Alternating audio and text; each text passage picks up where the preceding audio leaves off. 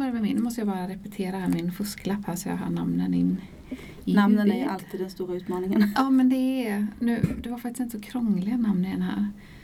Ja. vi, vi börjar med den i alla fall, Ja, det känns det bra. vi.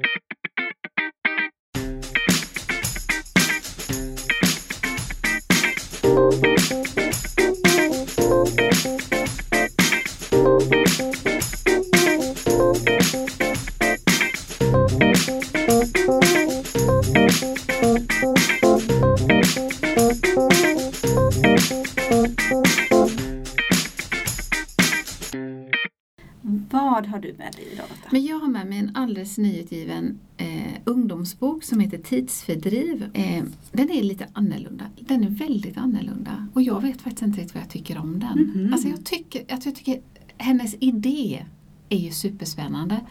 För den handlar om en värld som är väldigt lik vår värld men skillnaden är att människorna i den här världen vet när de ska dö.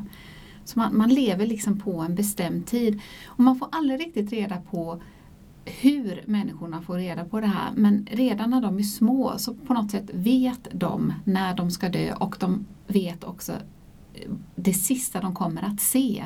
Och för de allra flesta människor är det bara svart, alltså precis som att man blundar. Och, Mm. ja, många dör så när man är gammal och så. Men flickan det handlar om i boken som heter My eller Mysan, hon vet om att hon ska dö när hon fyller 18. Fy vad Ja, hemskt. men jag vet, jag vet, så hemskt. Och att det sista hon kommer se i livet är ett par gröna intensiva ögon. Det vet hon. Mhm. Och att det här och det är klart att det här spela, avspeglar sig ju i hela samhället så istället för födelsedagar till exempel så firar man levnadsdagar kallar de det för. Mm. Eh, och, och att det blir ju också lite sådär att det, det spelar ingen roll för man kan inte dö. Det finns ju en del olika människor som har försökt att begå självmord. Det går inte därför att ödet är ju bestämt Mm. till en viss dödsdag. Däremot kan man ju bli sjuk och så. Men, men det finns ju en viss, jag menar hon då Mysan som vet att hon ska dö när hon är 18. Vad spelar det för roll om hon röker lite, super lite, Nej. struntar i skolan. Men jag tycker den problematiken och just det här vad, vad, vad det skulle göra med en människa om man faktiskt vet exakt klockslag på sin död. Kanske inte ändå eh, liksom, skriv så mycket om i boken som man skulle vilja för det är ju en väldigt spännande, Mm. eller obehaglig och spännande och annorlunda Mm. tanke. Utan boken handlar om Ja, alltså Mysan då såklart som väntar in sin dödsdag. Men hon är också då ungdom såklart och eh, det, det är väldigt mycket med hennes kompisar och det är kärlek och det är de ja, första du vet, kärleksstegen hit och dit och så. Och det tar en ganska stor plats av boken. Mm. Och det tycker jag nästan är lite irriterande för jag tänker men det där har jag ju läst om förut. Jag vill veta hur just det här Ja. är att ha de tankarna i huvudet. Just Så jag kan det. tycka ibland att det får lite för eh, lite i boken. Och du ser, den är ju ändå ganska tjock. Ja. Så att eh, jag tycker kanske man skulle kunnat Mm. Ja, Haft arbeta mer det lite. fokus då Ja. på på vad det, på det här spännande temat. ja. Eh, men Mysan då är en, en vanlig tjej, hon lever med skilda föräldrar och pappan eh, klarar av att veta hennes dödsdag ändå ganska bra. Jag menar de lever ju ändå i det här samhället så det är ju Mm, ingen ny tanke nej. hos dem fast det är en ny tanke hos oss som läsare. Mamman däremot har väldigt svårt att hantera det. Eh, så hon, hon och Mysan har ingen bra eh, relation. Det går, det går, de går hela tiden om varandra. Mm. Eh, och Mysan har ju egentligen bara en vilja, hon vill inte dö, hon vill leva. Mm. Och så träffar hon en ung kille som heter Theodor Ed.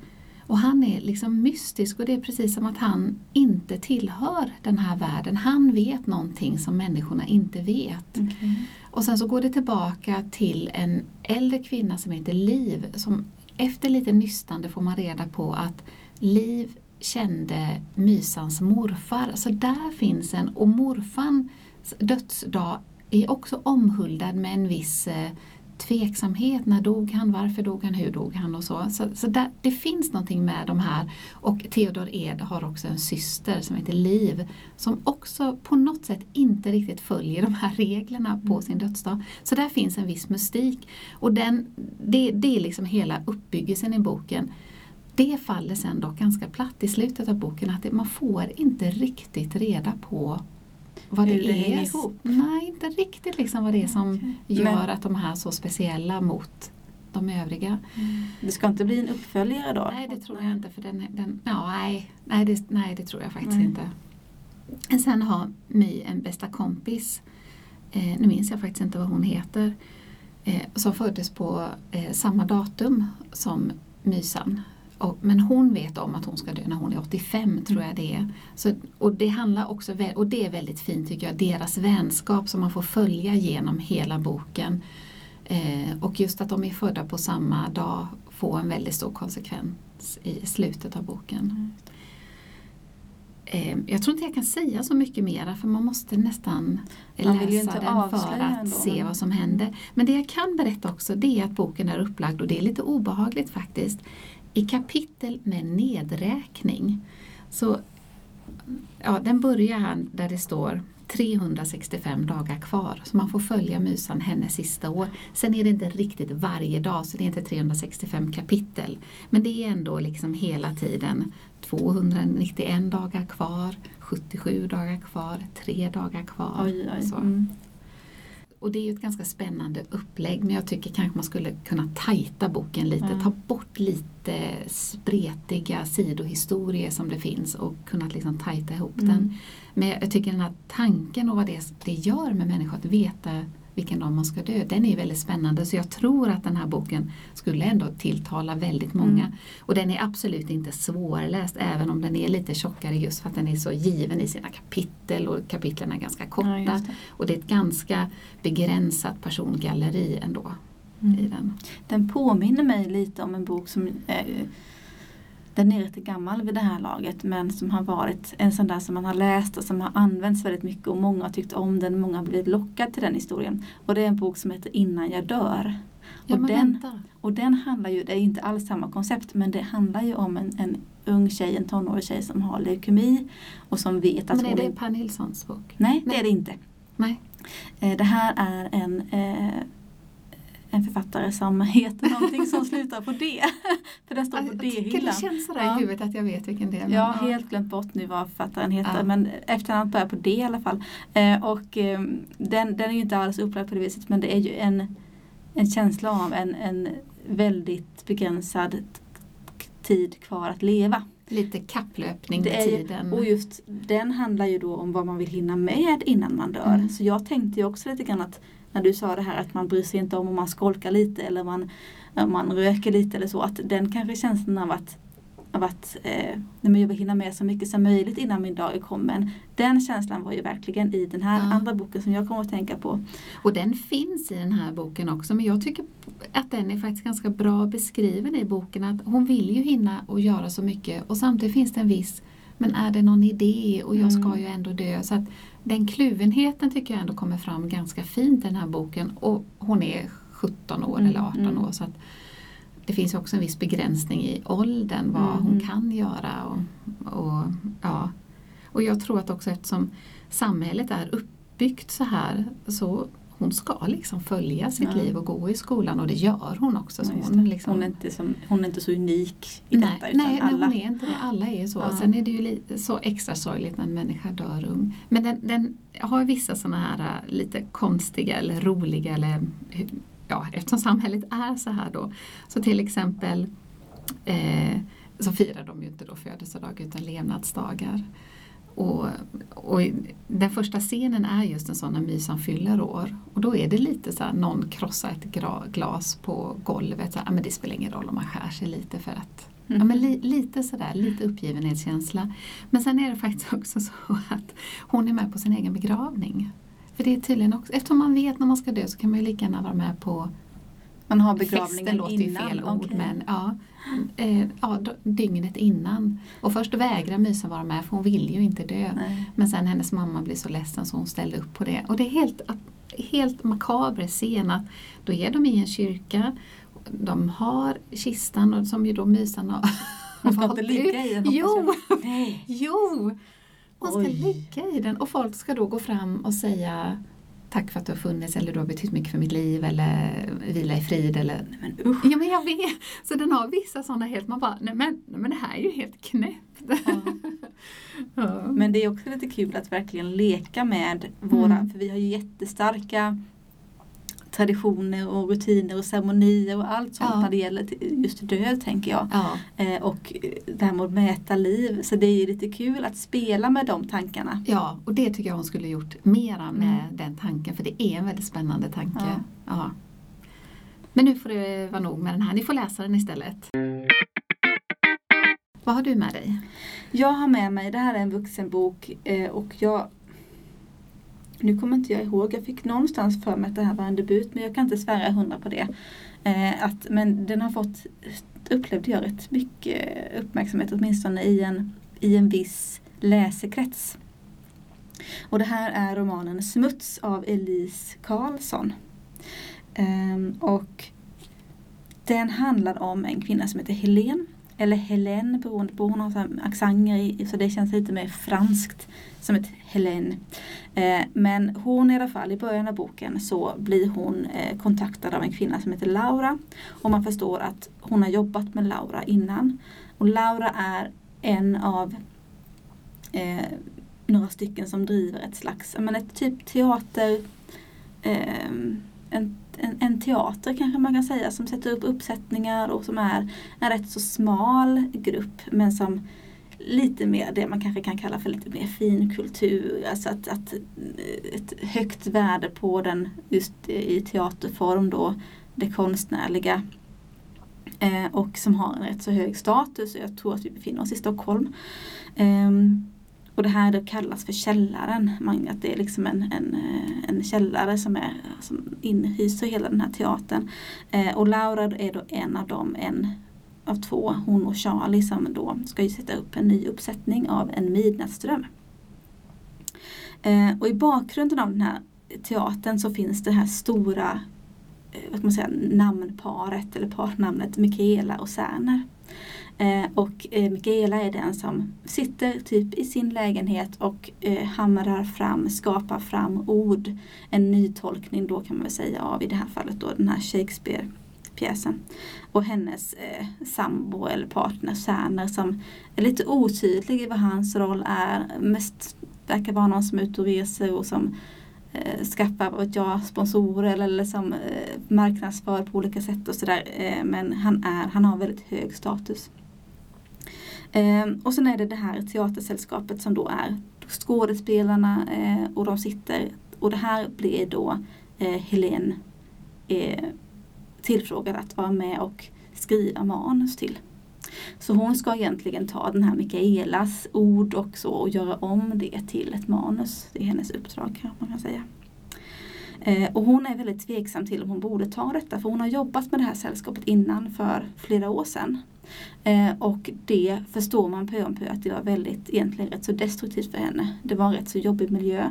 Men just för att den har hög status så ville hon ändå finnas där. Men det blev en relation mellan henne och en man som heter Charlie som, som då var Lauras man.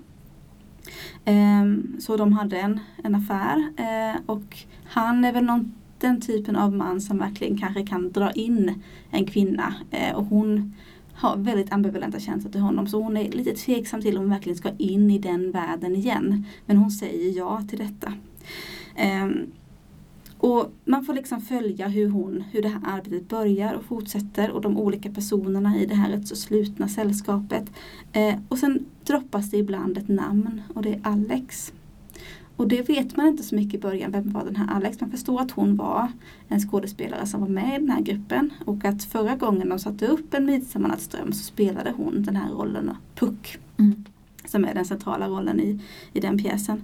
Eh, nu vet man inte vad Alex är, hon är inte med där längre. Pö om pö så förstår man att okej, eh, Helene hade sprungit på henne någon gång i tunnelbanan och sådär. Att hon gör något helt annat. Men sen förstår man att, eh, vad det är som har hänt med henne. Um, och det är liksom någonting som ligger i uh, Det är själva knuten i det här dramat kanske man kan säga vad det var som hände med Alex. Um, sen har vi också en del kapitel som är berättade utifrån Mikaelas perspektiv. Som är i ett du-tilltal. Um, där hon liksom pratar om sig själv som att det är du. Eller vad man ska säga. att uh, Du sitter i lägenheten, du, det ringer på telefon. Alltså, så. Och hon är en väldigt speciell person. En sån här, man kanske tänker, en lite konstig konstnärlig själ. Eh, som är nästan alltid lite ansatt av ångest och eh, verkar ha lite väldigt problematisk relation till Cerner. Eh, och som nästan är men det här upphöjda geniet som alla bara sitter och väntar på att det ska komma ut saker ur ungefär. Ehm, det som är själva kontentan i detta är ju kopplingarna till eh, hela den här, eh, det, det, här dramat kring det som kallades för kulturprofilen. Alltså Jean-Claude Arnault och eh, Katarina Frostenson. Jaha. Som drev det här väldigt högt uppsatta kulturnästet i Stockholm.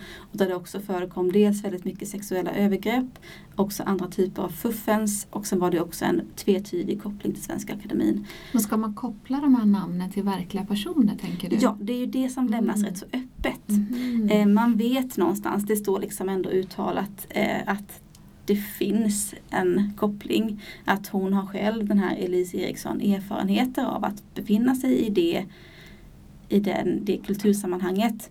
Men det är ju aldrig uttalat att den här personen är den personen och så. Utan det får man ju koppla själv. Så är man insatt i de olika personerna som är involverade i det dramat så kan man ju kanske se att ah, men det här är ju den personen och det här är ju den personen. Um, det som händer i boken är att Helene också får ett annat uppdrag från någon gammal klasskamrat. Och det liksom bara hintas om. Man förstår inte det när det kommer. Hon träffar den här Clarice som hon heter på någon fest. Och man förstår att hon ger henne ett uppdrag. Hon kan inte du sådär. Och det omnämns väldigt otydligt. Och sen förstår man det i slutet vad det här handlar om. Så att um, det kräver lite av läsaren att man, man fattar inte allt som händer men det får ändå någon slags förklaring allt som boken går. Och de vad ska man säga, avteckningarna eller så tycker jag är rätt snygga. Jag tycker om det att att man får en hint men man förstår det inte där och då och sen får man det efteråt. Ja, det var det. Mm. Ja, ja, okej och sådär. Um, så det tyckte jag faktiskt om i boken och det gjorde att det blev spännande också. Den är faktiskt rätt så spännande boken. Men du sa, är den upplagd som ett varannat kapitel? Ungefär ja. är det det. Och det står liksom eh, att det står Helen då. Ja. det som är intressant är att först står det bara H. Och sen står det Hell. För det är tydligen ett smeknamn som man har från vissa. Och sen står det Helen. Så det är liksom också, men så står det Mikaela då på vissa kapitel. Um, så att jag tycker ändå någonstans att den var förvånansvärt uh, medryckande. Um, vet du någonting om författaren? Jag vet ingenting om henne. Och det är alltid när jag står här och pratar så tänker jag att jag ska ta reda på mer ja, författare innan jag ställer mig här och pratar. Och så blir det aldrig att jag gör det. Nej. För att ja, man hinner inte. Nej, alltså, man är så inne på handlingen ja, och vad precis. som har hänt. Um, men det har ju skrivits många böcker om just allt mm. det här kring uh, den här klubben kallades den ju i um, Matilda Gustafssons. Ja, precis. Ja. Hennes facklitterära bok. Sen har ju Frostenson själv skrivit böcker där hon har eh, eh, så att säga, mm. bemött den här allt detta kring Arnault och så vidare. Um, så det finns ju mycket att läsa kring det och jag tänker att har man en koll på det så tänker jag att den här är rätt så intressant att läsa. Sen är det en fördel om man är lite koll på en Midsommarnattsdröm tänker jag. För det finns ändå, senare tolkningar i alla fall av en Midsommarnattsdröm Um, ehm, går ju ändå ut på att det förekommer våldtäkter i den pjäsen. Um, och det är också någonting som kopplas till handlingen här och vad det är som har hänt. Det här perifera som man aldrig riktigt talar om mm. eh, kring den här gruppen människor i det här teatersällskapet.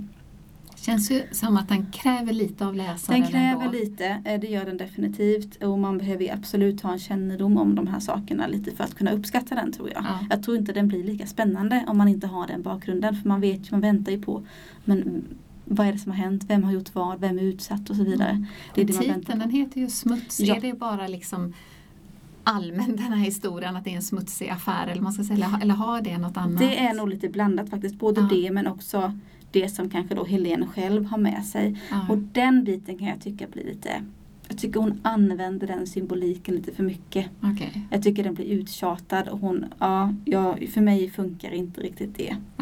Um, men um, jag tycker nog ändå att boken i, generellt var intressant. Ja. Sen är det ju, ska man ju komma ihåg, den är skönlitterär. Eh, men eh, ja, man kan ju inte hjälpa, alltså är man intresserad av hela det händelseförloppet och vad det var som hände och vilka konsekvenser det hade och sådär. Eh, så blir man ju, det här blir som ett litet, Mm. litet titthål in Ja. i något slags privat som man inte har fått se. Ja. så. Och sen får det ju en viss tyngd i och med att Elise själv ska tydligen ha erfarenheter från Arnaud och eh, det, ja, den kultureliten. Ja, ja. Vi har ju pratat om det lite innan, det här det har kommit ut ganska nyligen flera skönlitterära böcker som är på något sätt en liten blandning mellan verklighet och... Vi såg ju bara nu att Magnus Ugglas nya bok är ju faktiskt satt som en skönlitterär Ja. bok. Fast nu har ju varken du eller jag läst den men man får ju ändå intryck av att det handlar om honom själv. Jo, och, och att det är just att eh, Johnny the Rocker liksom. Ja, Alltså, ja. Den låten och hela den. ja, Eh, ja, precis. så det, Eh, det är lite spännande de här nya. känns att det är en liten det har trend, kommit tycker jag. tillbaka kan jag tycka. För att det har liksom ändå varit, tycker jag, mm, pratat om det förr också. Eh, men att det har kommit tillbaka det här med skönlitteratur som har en dos av sanning eller som jag läste ju den där på Sylvia Plaths-boken Kulleberg. precis. Nu minns inte jag vad den hette. eh, eufori. Ja, Den är precis. också sån. Ja. Eh, Det, ja, det är ju lite sant, det är intressant och sen något man också får förhålla sig till för att det Ja. är väldigt lätt när man blir mm. ehm, man blir medryckt i en sån här historia och det kan vara lätt hänt att man så att säga gränserna mellan den faktiska händelsen och Mm. det man har läst i en sån här då, att det blandas ihop. För jag tror att Frostensons böcker, de här KF, de är ju också skönlitterära. Mm, och där kan man också...